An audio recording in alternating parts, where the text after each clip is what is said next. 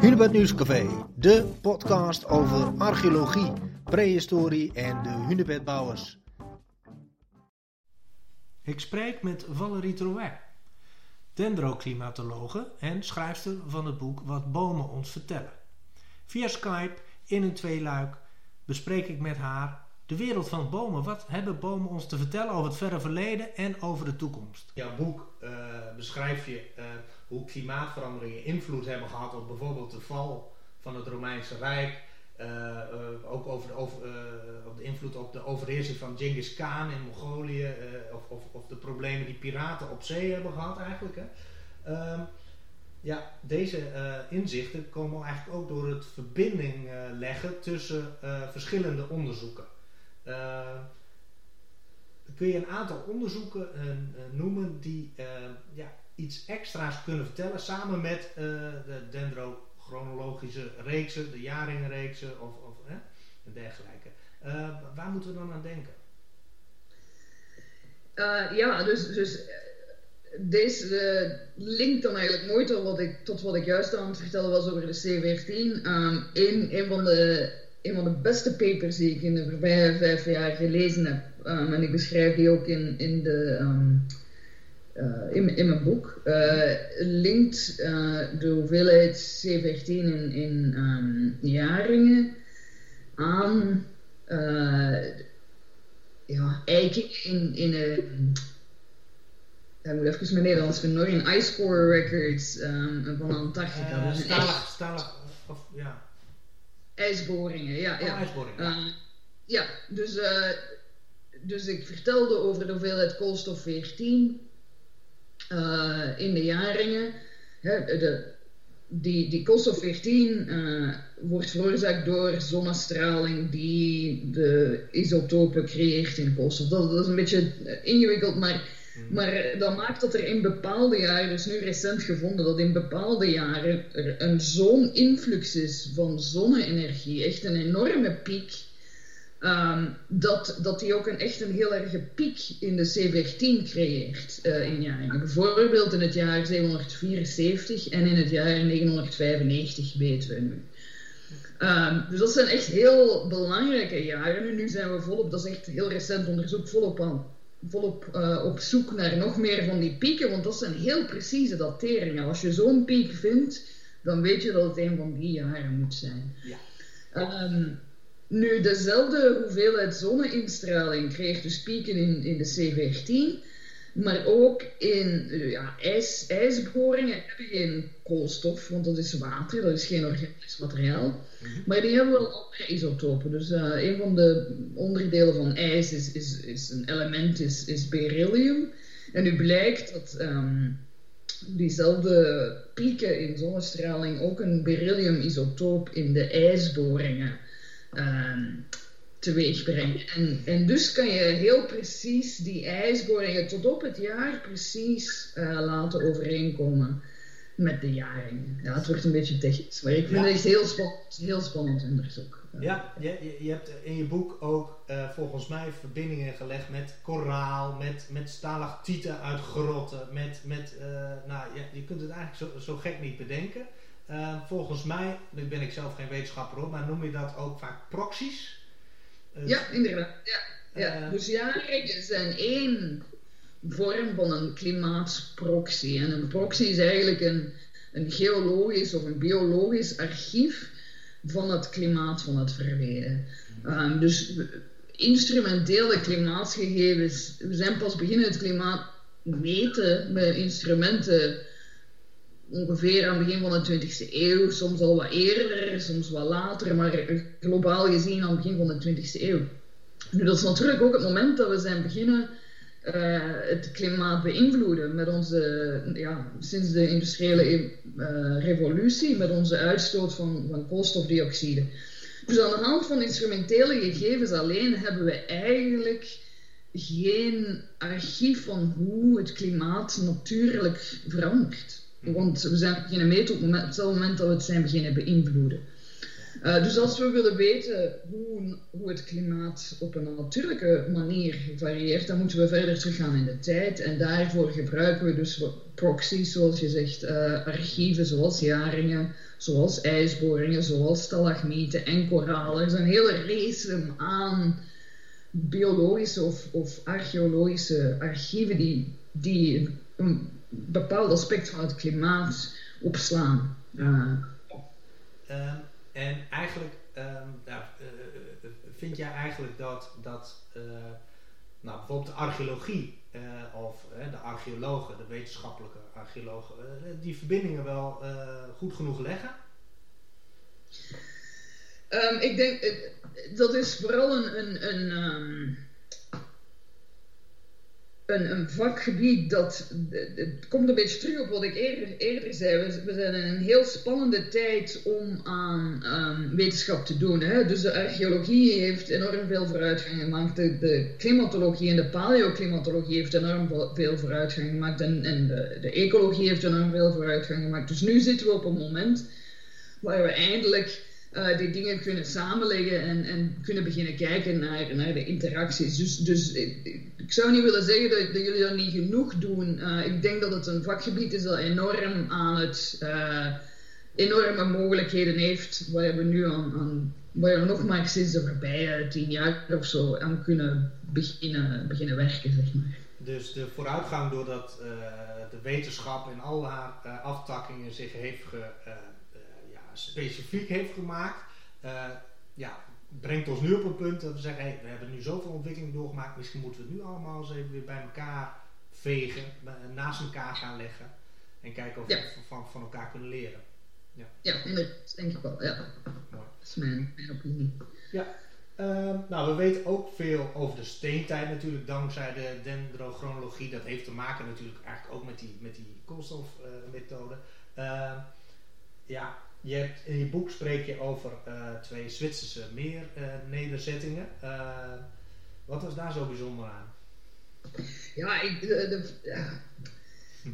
ik vind deze een van de spannendste, spannendste dingen. Als, als, ik, als ik over. Ja, ik heb zelf veel onderzoek of, of veel moeten lezen uh, over bijvoorbeeld over het Neolithicum. Daar wist ik nog niet zoveel over als dendroclimatoloog. Mm -hmm. als je dan zo'n studies leest, dan denk je, goh Eigenlijk had ik liever archeoloog. Eigenlijk had ik archeoloog moeten worden. Dat is ontzettend spannend.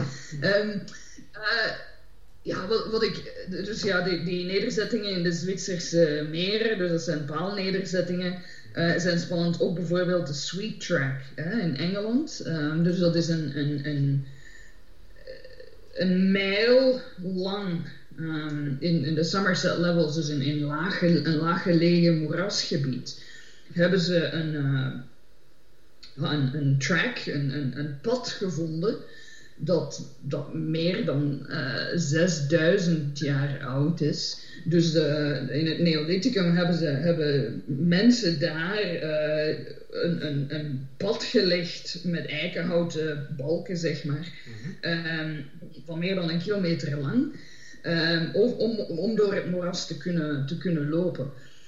Nu, die, die balken zijn tot op het, hebben we tot op het jaar correct kunnen dateren, dankzij jaringen. We hebben zelfs kunnen zeggen, dit is het seizoen waarin dat die bomen gekapt zijn geweest. Dat kan je zien door, door naar de jaringen te kijken. En dat is eigenlijk, en hetzelfde met die, met die paalnederzettingen. Ik vind dat, ja, in het Engels zeggen we dan mindblowing. Hè? Van het jij weet dat beter dan ik, maar, maar we weten daar zo ontzettend weinig over we weten, spraken die mensen? Welke taal spraken ze? Spraken ze een taal? Hoe wijdverbreid waren Er zijn zoveel dingen dat we niet weten, maar aan de andere kant weten we wel in exact welk seizoen dat pad daar gelegd is geweest. Ja. Um, ook, eh, ja, er zijn, dan, er zijn ook uh, scherven en artefacten gevonden bij dat pad, die dan natuurlijk ook allemaal direct gedateerd zijn geworden. Dus een heel belangrijke uh, vondst. Mm -hmm. Wat het ook uh, wat, die twee dingen gemeenschappelijk hebben. En bijvoorbeeld uh, een derde vondst is, is van mijn Duitse collega's gaat over waterputten. Um, uh, van het Neolithicum, die dan opnieuw tot op het jaar correct gedateerd zijn. Dat zijn ja, eigenlijk um, rondom de tijd dat de eerste landbouwers in Duitsland terechtkwamen, blijkt dat er al meteen ook waterputten met eikenhout hebben afgezet om, om die te beschermen. Nu, wat al die vondsten gemeenschappelijk hebben, is dat die allemaal onder water gevonden zijn. De, de meren in, in Zurich, de waterputten in Duitsland en dan onder water of, of in een moeras in Engeland. Um, en dat duidt erop, ja, dat, is eigenlijk de, een, dat zijn de enige plaatsen waar hout uit die periode nu nog uh, terug te vinden is. Hè. Uh, hout dat, dat boven de grond, uh, er werd toen al veel meer met hout gewerkt dan wij ons bewust zijn, denk ik, omdat dat hout er niet meer is. Tenzij het in, in anaerobe, dus in, in, in omgevingen zonder zuurstof bewaard is gebleven, zoals onder water ja. als een was. Ja. Helder, helder. Uh, uh, de waterput, heb je het dan ook over de vondst in Schöningen? nee, dat is ook nee, een heel bijzonder verhaal, hè? Wat? Dat is ook een bijzonder verhaal, hè? Dat is ook een ongelooflijk verhaal, maar dat is minder. Uh, de, die zijn niet dendrochronologisch gedateerd. Die zijn te oud. Dus uh, Schöningen, dat waren afgravingen om, omwille van een mijn die gebouwd werd in de jaren 90. En daar hebben ze eigenlijk drie uh, houten speren gevonden. Uh, ze hebben er meer gevonden, maar drie volledig intacte speren. Um, die dan via een andere manier van, van datering, via sedimentdatering, uh, 300.000 jaar oud bleken. En dus dat zijn de oudste houten artefacten ter wereld. En om 300.000 jaar in perspectief te zetten, dat, dat dat, dat, was zo de periode van de overgang tussen de Neandertalers en, en, en de ja, moderne mens, zeg maar. Dus dat, dat toont ook voor mij, ik vind het ongelooflijk interessant, de, de, de lange geschiedenis van houtgebruik uh, als mensheid. Hè? Dus dat gaat sowieso al 300.000 jaar terug. Opnieuw, weinig van de hout is, eh, is nu nog veranderd, want het moet onder uh, ja, extreme omstandigheden bewaard zijn geweest. Mm -hmm. ook bijvoorbeeld iets wat ik te weinig beseft heb. De Romeinen bijvoorbeeld maakten ontzettend veel gebruik van hout. Maar ook daar zijn alleen de waterputten uh, nog uh, uh, bewaard gebleven. Mm -hmm. ja. ja, nou ja, we spreken dus over neolithicum, steentijd. Dat komt ook omdat we dus al die, al die mooie houten bouwwerken niet meer terug kunnen vinden. Hoogstens nog een, een afdruk van een, van, van, van een paal in, in, in, in de bodem. Ja. nou ja, eigenlijk heb je er al het een en ander over gezegd. Maar uh, ja, wij, zijn natuurlijk bij het Hunebedcentrum erg nieuwsgierig naar ja, onder welk klimaat hebben uh, de, nou ja, de eerste boeren, noemen we dat maar even voor het gemak, uh, die hunebedden bouwden, dat werk gedaan. Ehm, waarom is het zo moeilijk om daar iets over te zeggen? Ja, het wordt natuurlijk moeilijker hoe verder je teruggaat in de tijd. Hè. Met jaringen zijn wij voornamelijk, of de beste klimaatgegevens in elk geval, uit jaringen komen uit bomen waarvan we de exacte locatie kennen. Hè. Dus levende bomen, ofwel bomen die dood zijn en die nog op het landschap liggen. Uh, we kunnen ook gebruik maken van archeologisch hout en, en, en hout van historische gebouwen. Uh, maar dat is, dat is moeilijker omdat je niet die exacte locatie kent.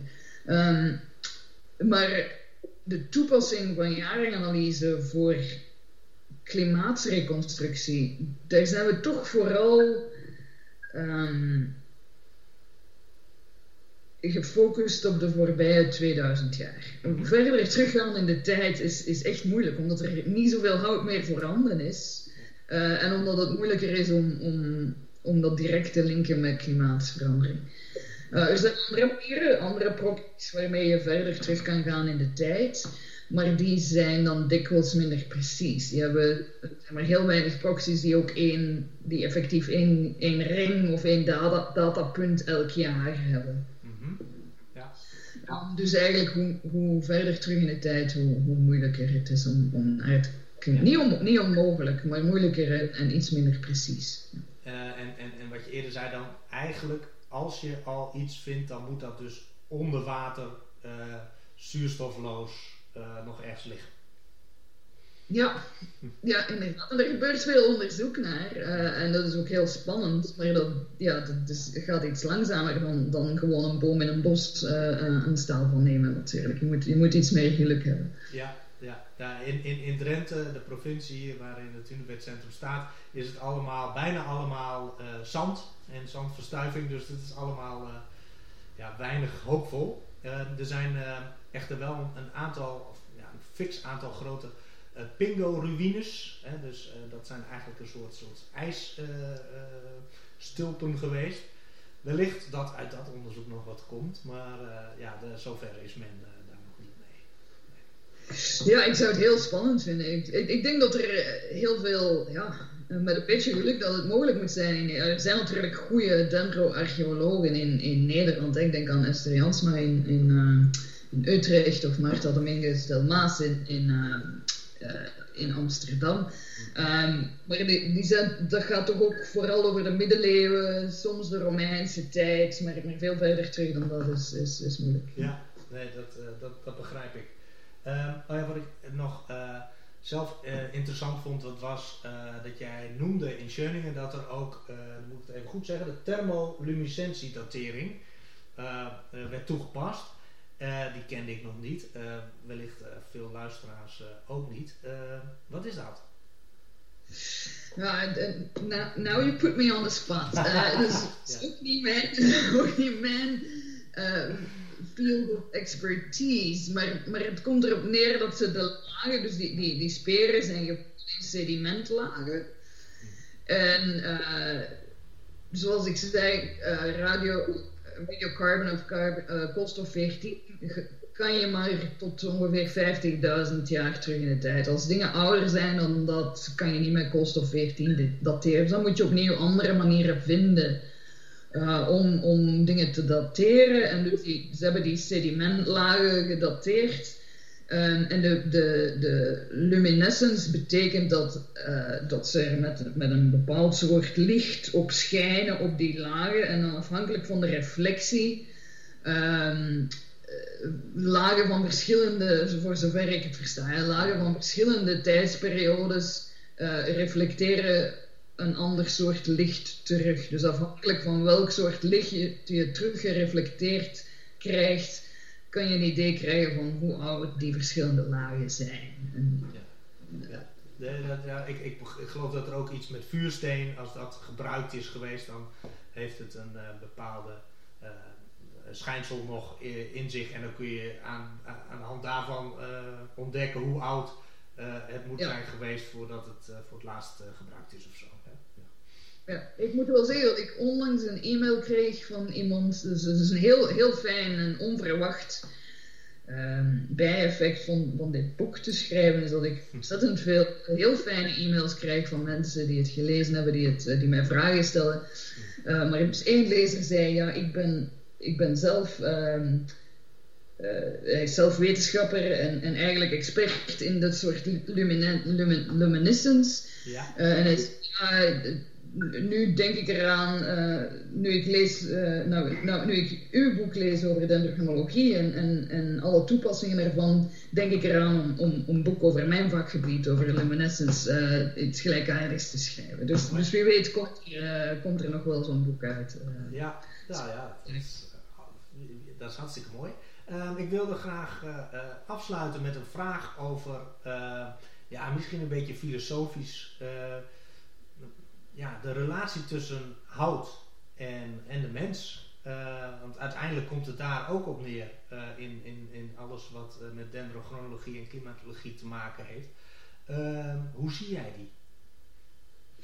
Ja, ik vind het een fantastisch interessant onderwerp. Um, was ik nog eens een boek schrijven, dan zou ik het graag daarover schrijven. Dus ja, ik kan er een heel boek over volschrijven, dus om dat hier even in een paar uh, zinnen te zeggen is, Maar eh, misschien om het kort, zoals je zegt, filosofisch samen te vatten. Wat ik er zo interessant aan vind aan die relatie, is dat het uh, ja, een geschiedenis heeft, maar dat het ook ontzettend belangrijk is naar de toekomst toe. Um, we zijn als, als mensheid heel erg afhankelijk geweest in het verleden van hout. Uh, zowel voor de constructie van allerlei dingen, maar ook als energiebron. Dus tot het begin van de, ja, tot aan de industriële revolutie was hout eigenlijk onze belangrijkste energiebron. Nog altijd in hele delen van de wereld is houtskool nog altijd een van de belangrijkste energiebronnen. Um, we zijn een beetje afgestapt van hout uh, grootschalig te gebruiken voor constructie. We hebben nu ook andere materialen, uh, baksteen en, en, staal enzovoort. Maar ik denk dat we daar naar de toekomst toe, dat het ons voordeel is om, om opnieuw meer hout uh, te gebruiken. Um, langdurig, duurzaam te gebruiken. Omdat hout helpt ons uh, ja, bossen, bomen, planten, bomen halen koolstofdioxide uit de atmosfeer. Dus ze helpen ons met het bestrijden van de, uh, onze toenemende koolstofdioxide-uitstoot. Ja. Uh, maar, dat houdt, maar, maar die koolstofdioxide blijft maar bewaard in de bomen zolang dat ze leven. Dus bomen slaan die koolstof, gebruiken die koolstofdioxide die ze opnemen uit de atmosfeer voor een groot stuk hout te vormen. Uh, dus die koolstofdioxide blijft opgeslagen ook als je nadien iets met de hout doet. Als je zeg maar een 500, in een 500 jaar oud huis woont, uh, uit, uit uh, de middeleeuwen of, of, of, later, die houten balken daar slaan al 500 jaar lang koolstof op. Uh, dus ik denk dat dat een manier is waar we te weinig aan denken om hout te gebruiken voor langdurige koolstofopslag. Ja. omgekeerd, ja, de, de, over, over ontbossing kan je ook, uh, ja, kan je ook een boek schrijven in, in de geschiedkundige zin. Hè? Uh, uh, we zijn natuurlijk al enorm lang aan het ontbossen omwille van ons, onze afhankelijkheid van houtgebruik. Maar, maar dat heeft ons ook mogen toegestaan om, om hele samenlevingen op te bouwen. Dus, dus ja, ja. interessante link. Ja. Het is ook wel bijzonder dat we uiteindelijk wel weer bomen nodig hebben om, uh, om uh, ons verhaal uh, te kunnen vangen in een boekwerk. Dus ja. ja. ja. Inderdaad, inderdaad. Ja. Um, ik wil je enorm bedanken. en ik hoop dat we je eens een keer kunnen uitnodigen bij het Hunebedcentrum. IJs en wederdienende, om het maar even in oud-Nederlands te zeggen. Maar in ieder geval als, als COVID achter de rug is en dat soort zaken. Ja, ja, ik kijk er naar uit. Ja, dankjewel voor de uitnodiging. Ik vond het een heel fijn gesprek. Dit was alweer een podcast van het Hunebed Nieuwscafé. Bedankt voor het luisteren. Heb je nu vragen of een tip voor een mooi onderwerp? Mail dat dan even naar mij naar gklompmaker.hunebedcentrum.nl En vergeet niet, elke woensdag weer twee nieuwe episodes.